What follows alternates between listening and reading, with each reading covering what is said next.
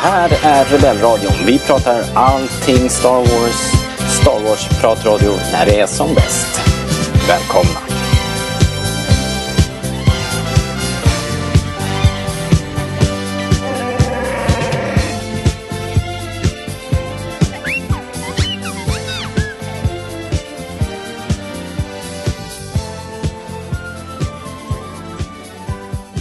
Hej och välkomna till Rebellradion samarbete med Stars.se. Idag ska vi prata The Mandalorian. Eh, igen, vi är framme vid kapitel 4, Fristaden, The Sanctuary. Eh, och eh, det är jag då, då Robert, som eh, är ständigt närvarande. Och med mig idag har jag eh, ingen mindre än Daniel. Hallå Daniel. Hallå Robert. Hej hej! Yay, har du din... eh, Inte ens mina barn blir så glada när jag kommer hem. Har du... Nej. Men eh, har du din hjälm på? Är väl frågan. Eh, nej, det är ganska varmt här nere. Mm, mm, mm. Ja, det finns ju regler för det där. Du hade Eh, ju vi kunnat fejka också. och säga att du hade hjälmen. Okej, vänta. R- Ja, jag får hjälmen Mycket bättre.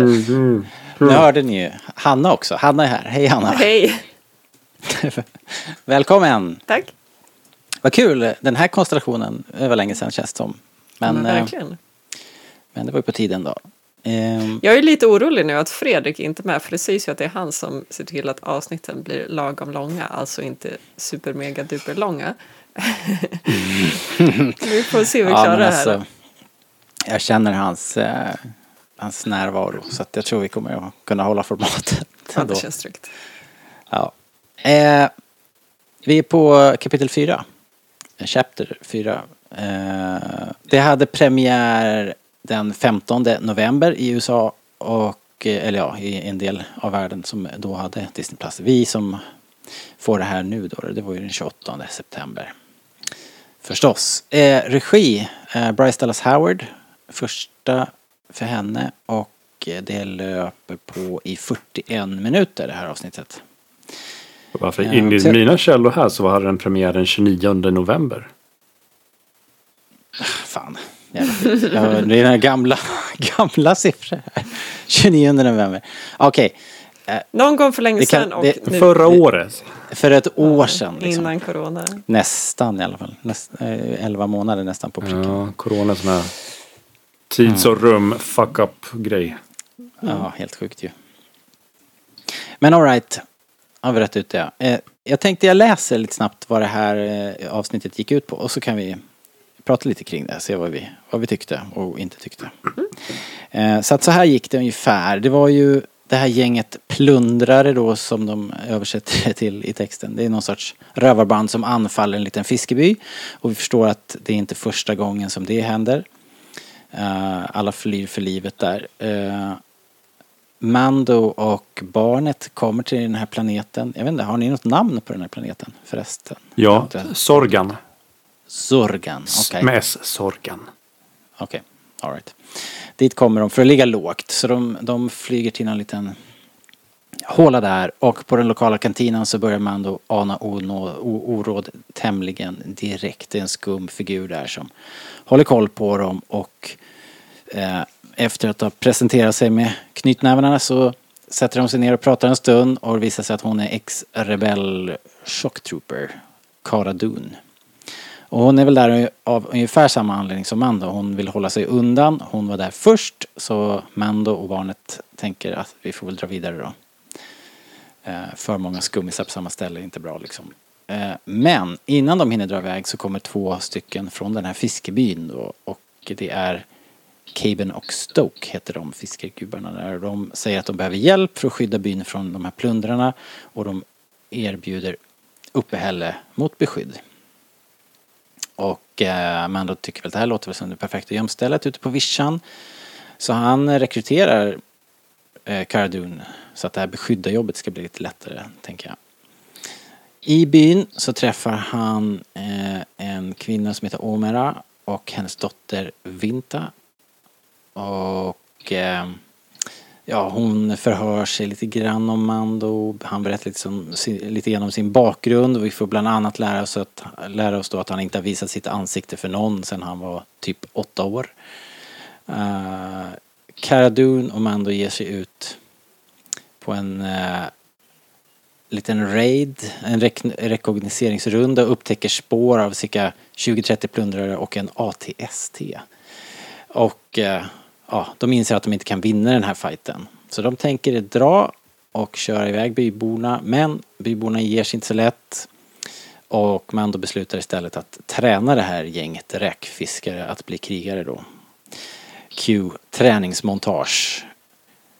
De bygger fällor och drillas under den här elitsoldaten Carduns befäl. De gör lite framsteg där, men ska det räcka? Det är ju frågan det. Lite senare så gör Mando Kara en räd till plundrarnas läger. Det blir en strid där och eh, de flyr och man förstår att de planen var att eh, lura ut den här ATSDn och eh, mycket riktigt så får de den efter sig också och de springer tillbaks till byn med tanken att leda dem ner i ett eh, bakhåll där. Det går ju inte riktigt som planerat då förstås. Eh, AT'n stannar innan fällorna och eh, många bybor eh, blir skadade och stryker med i den här striden som följer. Caradun tar på sig, eller tar sig an den här AT-SDn på egen hand, lyckas få den ur balans och väl på backen så kan man då lobba in en granat och så exploderar den. Boom. Byborna vinner dagen, plundrarna flyr, några veckor av lugn följer där och sen är det väl dags att börja fundera på nästa steg. Mando tänker att de kan han kan lämna barnet i byn, det låter väl bra. Han trivs ju där den lille knatten och med alla andra ungar där. Resa runt med en prisjägare var ju ingen bra plats för ett barn, tänker han. Omera som uppenbarligen gillar Mando vill att han och barnet ska stanna. Men efter en liten tvekan så säger Mando ändå nej. Han känner att han inte passar in där. Och den här idyllen bryts när ett skott brinner av från skogsbrynet och ett attentat på barnet har inträffat. Men Karadun han skjuta först och prisjägaren faller död ner. Uh, verkligheten och prisjägarna har kommit ikapp dem här och de inser att de måste lämna byn och planeten. This man is going to help protect us from the bad ones.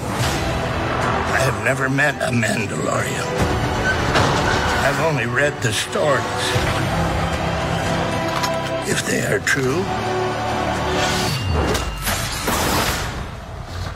I'm in.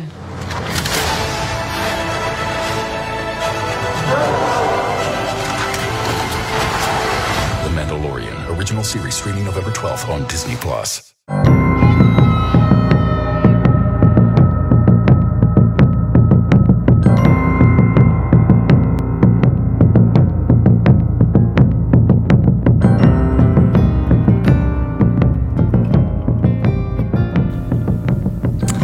Detta, så var det med det. Slut. Eh, ett, eh, ett ganska actionpackat äventyr med, med rätt mycket exposition och bakgrund eh, på våra huvudkaraktärer här. Ehm, Alright. Hanna, vad säger du så här fyra, fyra avsnitt in i serien? Är det något som sticker ut här i det här avsnittet? Någonting som du tänker direkt att Uh, det där var kul eller, eller märkligt eller både och kanske?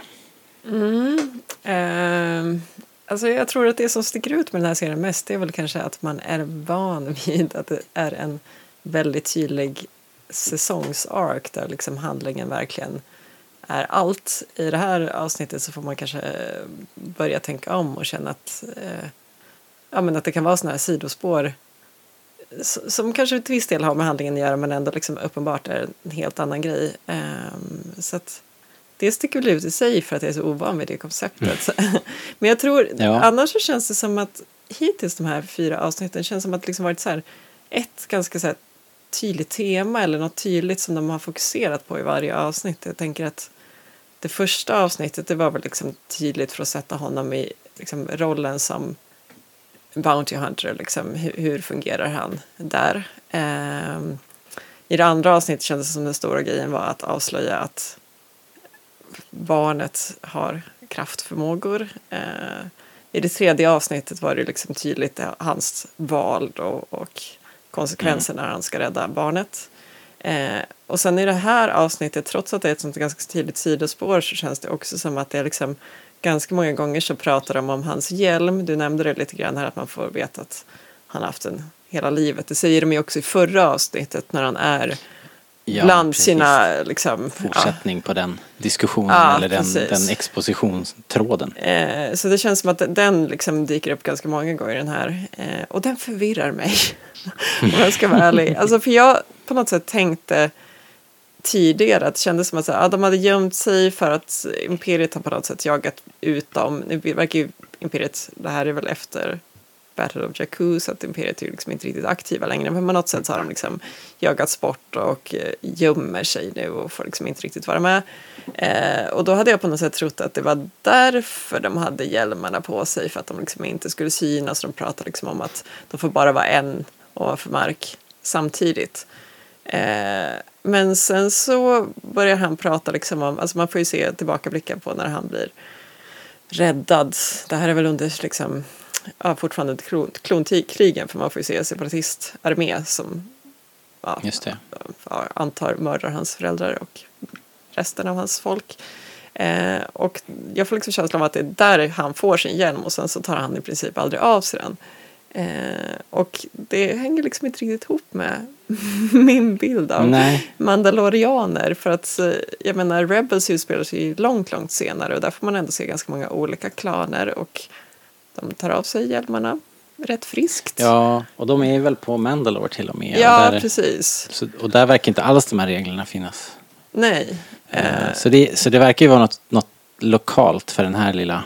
Ja, för- precis, det skulle ju kunna vara för, för liksom hans lilla klan men samtidigt så liksom känns det som att när han möter andra i universum, om man tar den här blå figuren som han eh, jagar i kapp i första avsnittet, Mm. då liksom säger han väl liksom, ja men stämmer det att ni aldrig tar av masken? Och det känns ju inte sannolikt att den här blå figuren direkt skulle säga, ja jag ser att du tillhör den här enklaven, alltså Nej, är det ni som det. inte tar av er masken. Mm. Och, liksom, och det känns som att liksom, eh, generellt sett så liksom, eh, de, de gömmer sig och eh, gömmer sin identitet. Det verkar liksom vara ett liksom allmänt begrepp.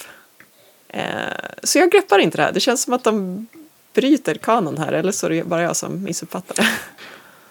Jag, jag satt ju och funderade på det här också eh, för några vecka sedan och undrade liksom vad är det som gäller? För jag kände precis samma som du. I Clone Wars och Rebels så springer vi runt utan hjälm så fort de får chansen, så fort de inte krigar.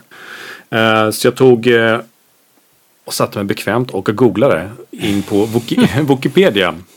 Som på något sätt an, antar vi får väl ta som en seriös eh, liksom Star Wars kanon. Eh, jag kommer inte på något bra ord. Ja. Man får, Alltså, man, det är, jo, men det är ju en, en Star Wars-resurs. Den litar vi ju man på. får väl liksom. lita på Wikipedia. Ja. Och om man söker på Way of the Mandalore så finns det en text allra först, eller nästan allra först, men det står The Way of the Mandalore, also shortened uh, to, the, to the Way, was a religion followed by some members of the Mandalorian culture. Så Okej. det verkar ju vara att det är en del. Eh, Det går inte in så mycket, supermycket på detalj vad det är för typ. Men det är några som har liksom den livsskådningen att hjälmen ska inte tas av. Så jag antar att det är, det är väl deras förklaring på det hela. Antingen så var det planerat från början om de vill bygga mystiken inför serien att han aldrig skulle ta av sig hjälmen. Eller så är det en efterkonstruktion när folk börjar ifrågasätta det. Det är jag lite osäker på. Men Men alltså om, om vi ska pussla ihop det här så att det på något sätt känns okej i huvudena så skulle man ju absolut kunna tänka då att det är hans eh, klan kanske har haft det hela tiden men sen efter eh, vad säger de, den här eh, Purge, Purge of Mandalore eller någonting sånt där. Alltså då kanske alla tvingades att anamma det för att just behålla sin anonymitet och eh, liksom gömma sig. Så Men det kan- svårt att hålla det- anonymitet att- om man går runt med en röstning som, som liksom visar det här är en Mandalorian. Jo, men jag känner- tänker i, i och med att de säger att de bara är en i taget så kanske de tänker att typ så här, ja men då fattar inte folk att vi är många för att de ser inte våra ansikten så de tänker att det alltid är samma, samma rustning som är ute och traskar liksom. De går på rasismen. Alla tycker vi ser likadana ut. Ja, exakt. Det är den där Men, men det röstningen kanske som också... syns. Det, kan, det kanske inte är praktiska skäl heller. Det kan ju vara, det kan ju vara lite... Eh, alltså om man har att göra med en klan då, eh, och en nästan sekt, då är det ju inte säkert att det är helt eh, liksom det här, att själen är grundade i, i, i praktiska skäl utan det kanske är mera, mera så här, teologiskt eller så. Att man, att de, eller vad heter det, ja, men nästan som religiöst att den ska vara på liksom. Jo, jo, alltså det... Det kanske, det kanske är någonting, det kanske inte är för att de ska, det kanske, det kanske har någonting med deras, eh, den här, vad heter han, eh, stor Mandalore-gubben liksom, eller någon gud eller någonting liksom. Det jag menar är att det verkar vara etablerat bland alla mandalorianer vid den här tidseran. Eh, Och det har vi inte sett i Rebels eller i Clone Wars. Eh, Det var det som stack i ögonen. Så att på något sätt så har Mm. det över tiden hamnat så att alla har blivit på det sättet. Just det. Ja, ja. Ja, nej, är det var en ju- sån det- grej jag det- reagerade det- på. Det går ju inte att få ihop det i alla fall. Det, det spretar ju såklart här. De, men man kan ju alltid komma runt det med att säga att det, är, att det är en lokal grej.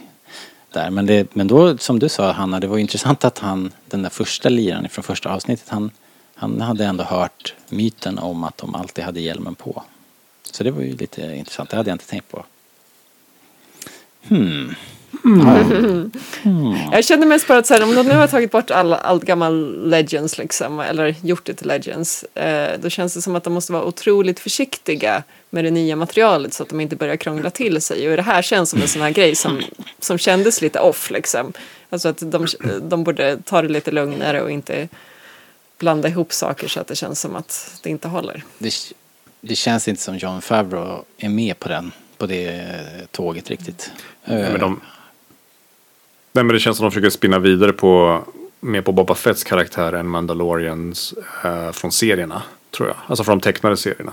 För att Ja, eh, Boba Fetts mystik och hans karaktär mycket låg i att han hade mask på eller hjälm på sig och att han var anonym. Det var ju någon, fanns någon coolhet där och jag, jag tycker själv att den försvann lite när man såg Jango Fett och fattade att Boba Fett såg ut som honom. Då försvann lite av den mystiken.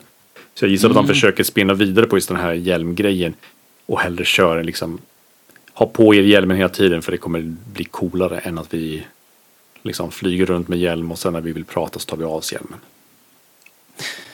Ja, det, det finns ju helt klart någonting där. man tycker man hör ganska ofta. Det finns ju Judge Dredd eh, är ju en liknande karaktär som där man har haft där fans har precis, haft precis samma, samma diskussion. Eh, en del karaktärer vill man helt enkelt ha hjälmen på för att det är så, den har så stark eh, liksom, identitet i sig på något sätt. Men, men, men det var ju en grej, en nyhet som kom här. Det, alltså, den, vi ska ta det här med en rejäl nypa salt för att källorna är lite svajiga. Men det finns rykten som säger att det har blivit någon konflikt på inspelningarna av säsong eh, två är väl in- färdiginspelad. Så det måste ju vara i så fall inför säsong tre här nu som Pedro Pascal som är som är huvudrollsinnehavaren här har börjat knorra lite över det här att hjälmen alltid är på och sådär. Eh, vad, vad tror ni om det här? Är det ens, är det liksom ens, eh, hur rimligt är det här att, att det, han måste ju ha varit jättemedveten om, om dealen tänker jag. Vi måste ju prata vidare om ryktet. Hur slutar det?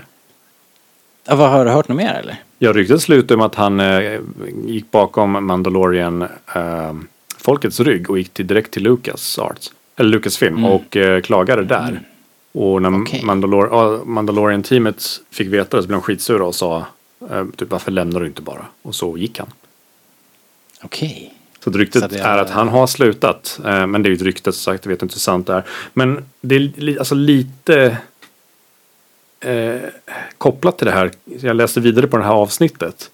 Så Mm. har tydligen eh, Bryce Dallas Howard sagt att ehm, enligt en källa här så har hon sagt i en intervju att eh, Pedro Pascal inte ens var med i avsnittet.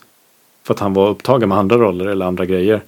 Så att hela Mandalorian, alltså den fysiska, när han, fysiska i filmen spelades av eh, stunt, eh, heter det? av stunt eh, personerna, Stuntdubbel, ja. Bran- Brandon Wayne och Latif Crowd.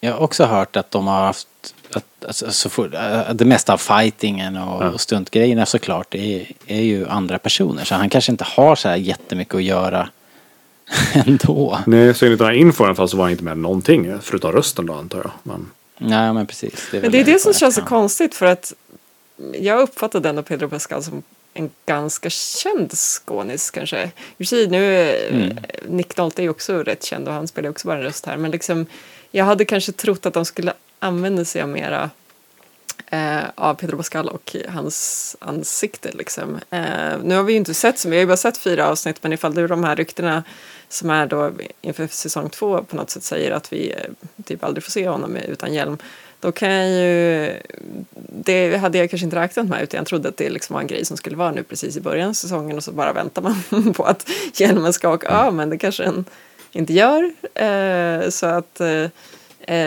det, det känns lite otippat eller så här, ja han blir väl ett, eh, en karismatisk person liksom kanske för att promota serien men de hade ju kunnat egentligen ta vilken röstskådespelare som helst liksom. Eh, om han ändå inte gör så mycket av kropps... Men jag tänker så här, det är mitt i den här pandemin, eh, katastrofen. Det, ju, det mesta av produktionen är ju nedstängt och så här. Hur mycket jobb finns det? Har man, har man råd att, att hålla på med såna här divalater nu? Liksom, Nej, men det, det känns... där får vi väl se kanske. Men, men, jag, ja. men på något sätt kan jag ändå tycka att det var lite otippat att de valde honom. Eh, för någonting ja, där han inte syns. Liksom. Men vi vet ju inte heller vad som liksom har sagts innan. Han kanske blev lovad eh, muntligt att ja, men i typ säsong två eller någonting så kommer du gå runt utan hjälm. Eller, eller någonting. och det kanske visar att det inte var så för de kände att ja, men, det där med hjälmen Nej. funkar jävligt bra i säsong ett. Vi vet ju inte. Och vi vet ju inte. Det här kan ju vara rykten. De kanske kommer överens jättemycket. Kanske trivs jättemycket. Så att man får liksom ta det med en nypa salt. Vi ska säga det. Den här, den här sajten som, som har spridit det här ryktet är ju verkligen allt annat än trovärdig. Så vi ska, vi ska inte vi ska inte dra iväg här utan det, det är ett, ett rykte som är ja, i, i allt väsentligt ogrundat. Vi vet ingenting egentligen. Men eh, ja, ja, det var ju lite intressant ändå tänkte jag kopplingen till hjälm och, och sådär. Så att, att prata om det lite grann idag. Jag har lite andra saker um, jag kan nämna om den här. Men det är kanske är Daniels tur. Mm. Och, om du vill prata om något särskilt för avsnittet. Nej, jag har väl inte så mycket att tillägga. Uh, det känns som det blev en liten dipp, uh, tror jag. Hittills, ja. Det var väl ganska fartfyllt och originellt kändes det de första avsnitten. Och sen kändes det som att det dippar ner lite här. Och vi diskuterade det här formatet för avsnittet som det har gjorts förut. Och jag tror det har gjorts i Clone Wars också. Det här med att en by blir anfallen av rå, rånare eller banditer och sen behöver de mm. hyra hjälp utifrån. Eh, det härstammar väl från är, Kurosawas Sju samurajerna och härstammar väl från, från första början tror jag om inte det har kommit någonting tidigare. Men det är precis samma koncept. Eh, ja, där, man, där man hyr in samurajer som ska hjälpa en by mot eh, banditer som kommer att plundra. Och eh, i, det här jag kollade det har faktiskt, ju gjorts förut. Eh, Daniel, förlåt jag bara sticker in. Jag kollade, apropå, du sa ju Kurosawa-kopplingen. Mm. Så jag, jag, googlade lite snabbt bara och såg vad, hur många, många filmer som är baserade på den här Seven Samurai-historien. Mm. Eh, och det är en ganska lång lista. Eh, men de som man har hört talas om kanske är The Magnificent Seven som har kommit i två versioner. En så sent som 2009. Mm.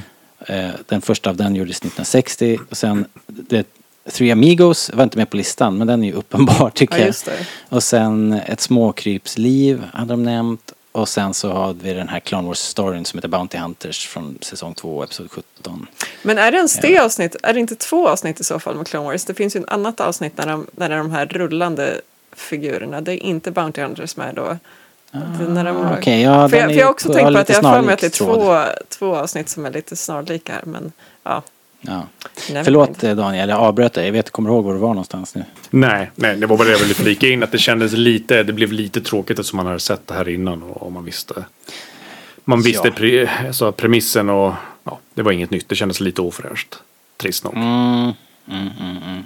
Det blir lite extra tydligt med den här som du nämnde, det här montaget. Alltså så här, ja nu får vi se dem träna och de blir bättre. Liksom. Alltså det, det, känd, det kändes lite så simpelt och lite 80-tals action kanske. Liksom den här det är typiska. så supertydligt, nästan övertydligt. Och liksom, det kände... Just spjut och eh, de skjuter prick. Och, ja, ja, precis. Uh, så på det sättet kände jag att det var lite synd då för att liksom ja, ifall det var hennes regidebut kändes så platt. Men å andra sidan, det jag tycker hon verkligen lyckas med det är ju att få ATSD farlig. verkligen. Alltså den kommer upp där. Den är om- cool alltså. Och liksom det, istället för att det liksom en jedi hoppar fram och du vet så här skär av benen så det är klart så är det liksom så här, ja vi är en hel by men vi har knappt en chans mot en ATSD liksom. Och det är ju så det borde vara och det är väl så det egentligen är liksom i originaltrilogin. Det är bara att man liksom aldrig får se det utifrån den, det perspektivet. Men hade man varit en vanlig människa under imperietiden så hade man liksom varit körd om man försökte göra motstånd. Men det är ju en tank på två ben liksom. Vad, Ja. vad skulle du göra med, om, om du gav typ 20 pers eh, pistoler och skjuta Ja, mot en precis. tank? Det skulle ju inte funka. Ja. Nej. Nej. Det är jävligt nice gjort. Det är snyggt också, eller hur? Varför lyser den röd? Fick man svar på varför den lyser röd? Det är coolt, men varför lyser den röd? Liksom? Har de en mysbelysning där inne? Nej men jag tänker att det är så här mörk eh, som de har i, i, på, på skepp och... Men de behöver ju inte vara upplysta alls. Alltså, så det är ju som i Eh, mycket nej, så här men- Mm. sci-fi och sånt, då är det ju ofta hjälmar i så här upplysta inifrån. Man bara, varför då? Är inte det lite jobbigt? Ja men om man sitter där inne och, och kör då kanske man vill ha lite Ja, belysning. fast, nej, är men du har ju, jag menar, du, på instrumentpanelen kan du ju ha små dioder. Du behöver Exakt. liksom inte ha hela rummet här, för tidig ju- julbelysning. Men jag har ju röd instrumentbelysning i mitt lilla tåg som jag kört till vardags. Så jag kan relatera. Ja, okej. Eh, och Mm. Men är det- är det också i hela inte rummet? mörkerseendet så det är därför det är rött liksom. Ja, ja, det ser ju coolt ut om inte annat. Ja, men Den ser verkligen. ju liksom ondskefull ut. Men sen tyckte jag det var coolt också när han tänder spotlighten där. Eh, Och börjar lysa ner på dem och eh, kolla vad det är frågan om egentligen. Det var coolt. Som sagt, den ser farlig ut. Ehm, det var några grejer som jag lade märke till som jag tyckte var riktigt kul var ju att vi fick se en Lost Eh, Det är ju ett, ett litet djur som är liksom, eh, kommer från serierna, eller från serien, vad heter det? Sen tecknade Rebels. Clone Wars säkert, eller det Rebels från början kanske? Ja, just det. Eh, sen tycker jag att, det måste väl ändå nämna att Baby Yoda fortsätter att vara liksom supergullig, tycker jag. Den börjar så skönt i Razor Crest när, när han liksom trycker på lite knappar så här. Och eh, så blir han tillsagd. Då liksom sträcker han ut handen, släpper inte Mando med blicken utan så här lite bakom ryggen knäpper han på en knapp. så här, Alltså, så, där, så där såg ju min son ut exakt för ett halvår sedan. Liksom. När Ja. man inte får trycka på elementen för det blir så himla varmt eller kallt hela tiden. Och så man säger till och så liksom du vet han tittar och bara testa, testa lite grann till. Ja, Ja, du har sagt Mm. till mig men jag måste bara testa. det, en, det blir en sån rolig reaktion om jag trycker på den här knappen. Ja, Alla, alla vuxna bara "Ah!" Jag måste fråga några mer som reagerar på det här med att Ma- Mando är så överbeskyddande. Han har med sig Jordan, liksom rädda, lilla baby Yoda, r- räddat honom och liksom tar hand om honom.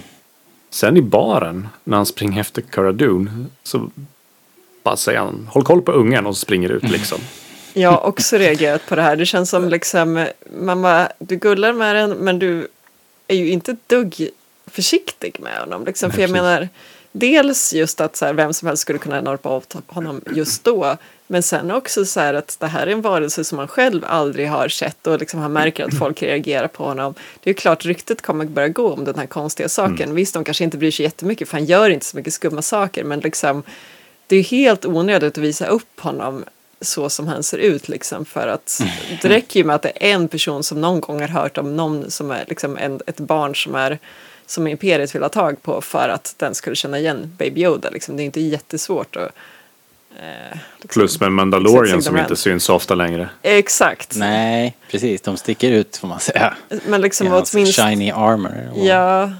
Det känns som att han åtminstone så här, antingen lämnar kvar honom på skeppet eller liksom har honom i en liten väska eller vad som helst för att eh, ja, nej, jag stör mig på att han är så otroligt oförsiktig. Liksom, ibland så eh, undrar jag liksom ifall hela poängen med en Mandalorian är att man ska liksom visa på att eh, Mando är ganska korkad. för att det är liksom så här, vissa grejer hajar han till på direkt men andra grejer som det här känns otroligt oförsiktigt. Och samma grej när han är- tänker att han ska lämna grön. Ja, men Han har inte gjort ibland det här är, jobbet förut. men ibland Nej. är han lite naiv. Jag håller med. Han är lite så Ja. naiv, korkad. Man bara, varför? Varför gör du sådär? Så, För samma grej det här med att liksom, han, han tänker att han ska lämna barnet i byn sen då i slutet. Alltså för det, jag har för mig att han motiverar det med att liksom, ah, men nu har vi liksom ställt till med så mycket så att ryktet kommer att börja gå om att det händer någonting speciellt här. Liksom.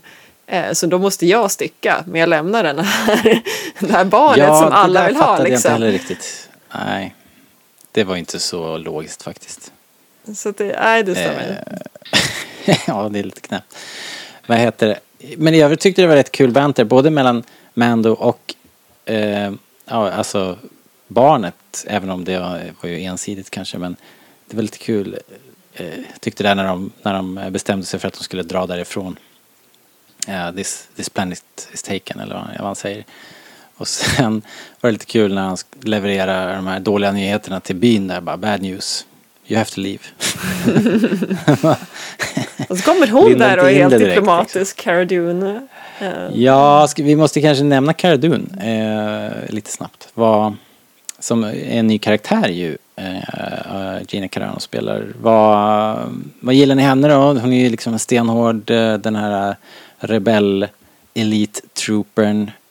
Väldigt kompetent får vi ju se. Eh, även om hon verkar ha lite någon sorts så här, vad heter det? postdramatisk eh, stresssyndrom eller någonting. Eh, och gömmer sig ju här för att ja, gömmer sig för, för världen så att eh, hon kanske fick lite mer än vad hon skrev under på här. Men vad tycker ni om henne sådär rent spontant första avsnittet? Ja, nej men hon är väl okej. Hon liksom, hon gör väl den klassiska hårda tjejen alla...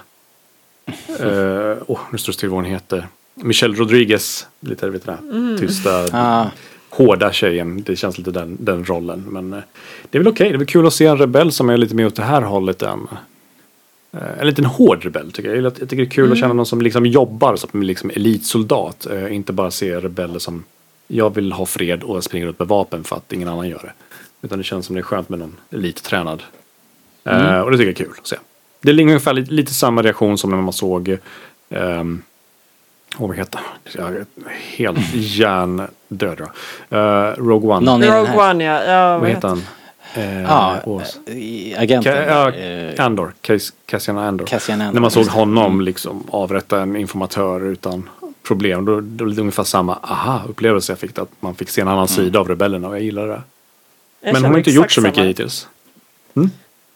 Nej, men jag känner exakt samma. Jag tyckte att det var kul. Jag uppfattade faktiskt inte att hon ens var rebell när, första, när de träffades på baren. Så trodde jag först att hon var ex-imperiesoldat. För det är så ofta liksom, de beskrivs som liksom, att de är kanske desertörer och eh, har varit så här rå häftiga liksom. Eh, och hon nämner väl någonting om att hon är rädd för att imperiet ska jaga efter henne. Och om hon bara är liksom, vad ska man säga, vanlig rebellsoldat så kanske jag inte skulle tro att imperiet som knappt finns längre ska liksom satsa på henne. Men om hon däremot hade varit en desertör då hade jag liksom kanske tänkt att hon eh, hade legat mer Nämner hon liksom. där, eh, nä, nämner hon, säger hon varför hon gömmer sig? Jag kommer inte ihåg. Ja, alltså hon är ju det var rädd väl... för att han är, liksom, har en bounty på henne.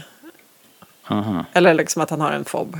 Eh, okej. eh, och jag Alltså det kanske är något mer där som vi inte vet riktigt. Ja, men hon nämner väl att hon var, hon var väl shock trooper först och sen eh, gick det över till att hon var tvungen att tona ner riots. Eh, Ja, upplopp det, och sådana grejer och hon hade inte signat för det så jag antar att hon deserterade därifrån.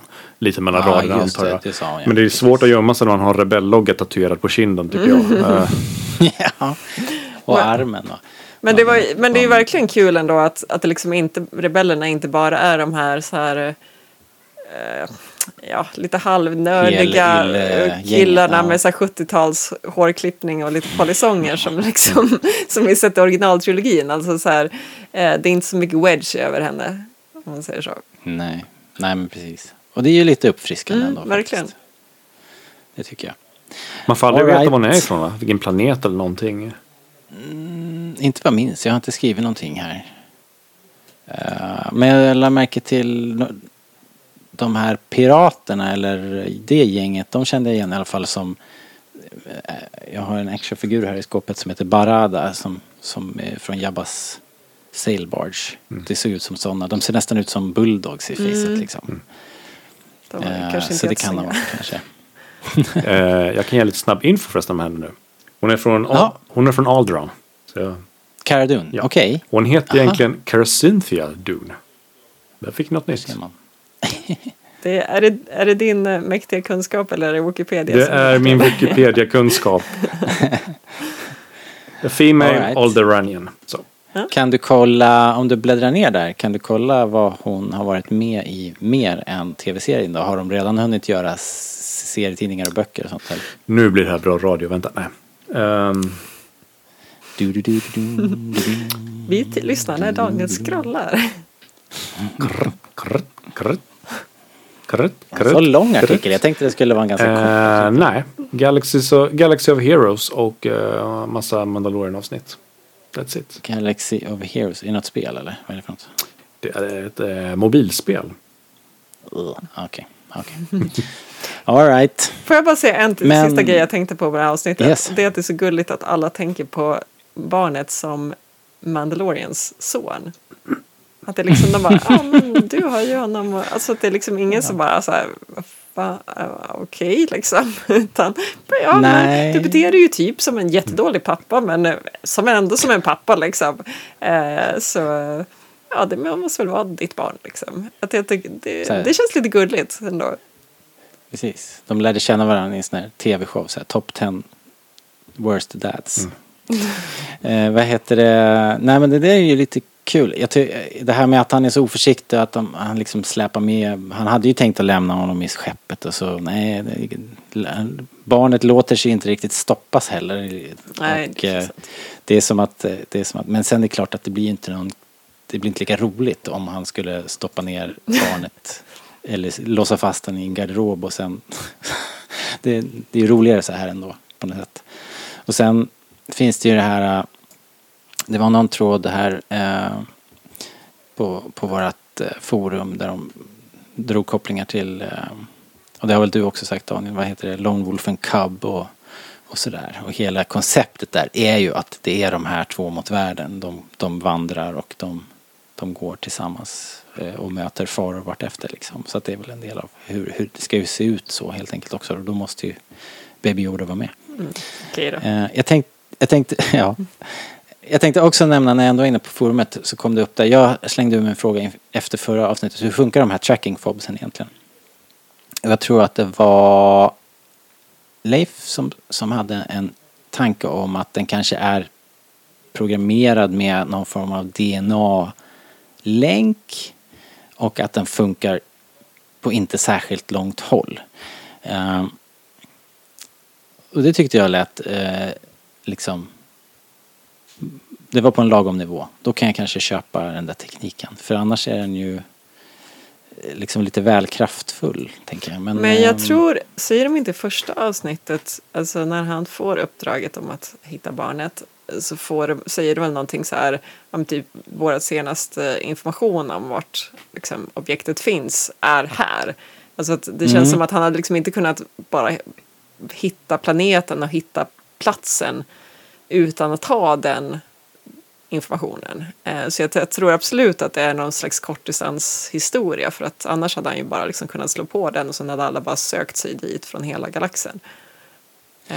Ja, det känns ju som för, för eh, kraftfullt. Ja, jag liksom. menar- det skulle ju sabba hela universum. Och då finns det ju Liksom, ingen möjlighet att, att fly heller om tiden. han nu ska vara på den här isolerade platsen här med byn och fiskbyn. Det hade liksom inte funnits någon poäng om det ändå bara går att... Det går inte att ha en eh, hemlig rebellbas heller. Liksom. Nej, Så allting skulle falla som ett korthus. Så därför så, det är väl bra då. Vi får, så, så länge i min headcanon i alla fall att den där funkar på kort, kort men eh, det ska... avstånd. Ja, jag tänker med DNA och så här. Det, I och för sig det är lite coolt att tänka det men eh, det finns ju såna här elektroniska näsor och sånt som kan eh, liksom ändå uppfatta väldigt små eh, ja, liksom, små, låga koncentrationer av molekyler som kanske utsöndras då. Så tänkte jag då att Baby Mm. Yoda andas ut på något sätt, någonting sånt där lite DNA följer med eh, som, som någon sensor skulle kunna vara. Men det är ju liksom, jag har svårt att Som tänka en mig att det, digital hundnäsa. Ja, liksom. precis. Men jag har svårt att tänka mig det längre än liksom, mm, ja, säg som bäst några meter liksom, eller i samma rum åtminstone. Men det här känns ju som det kanske är lite längre än så. Ja, för det verkar ju vara i, i hela stan där, där de var.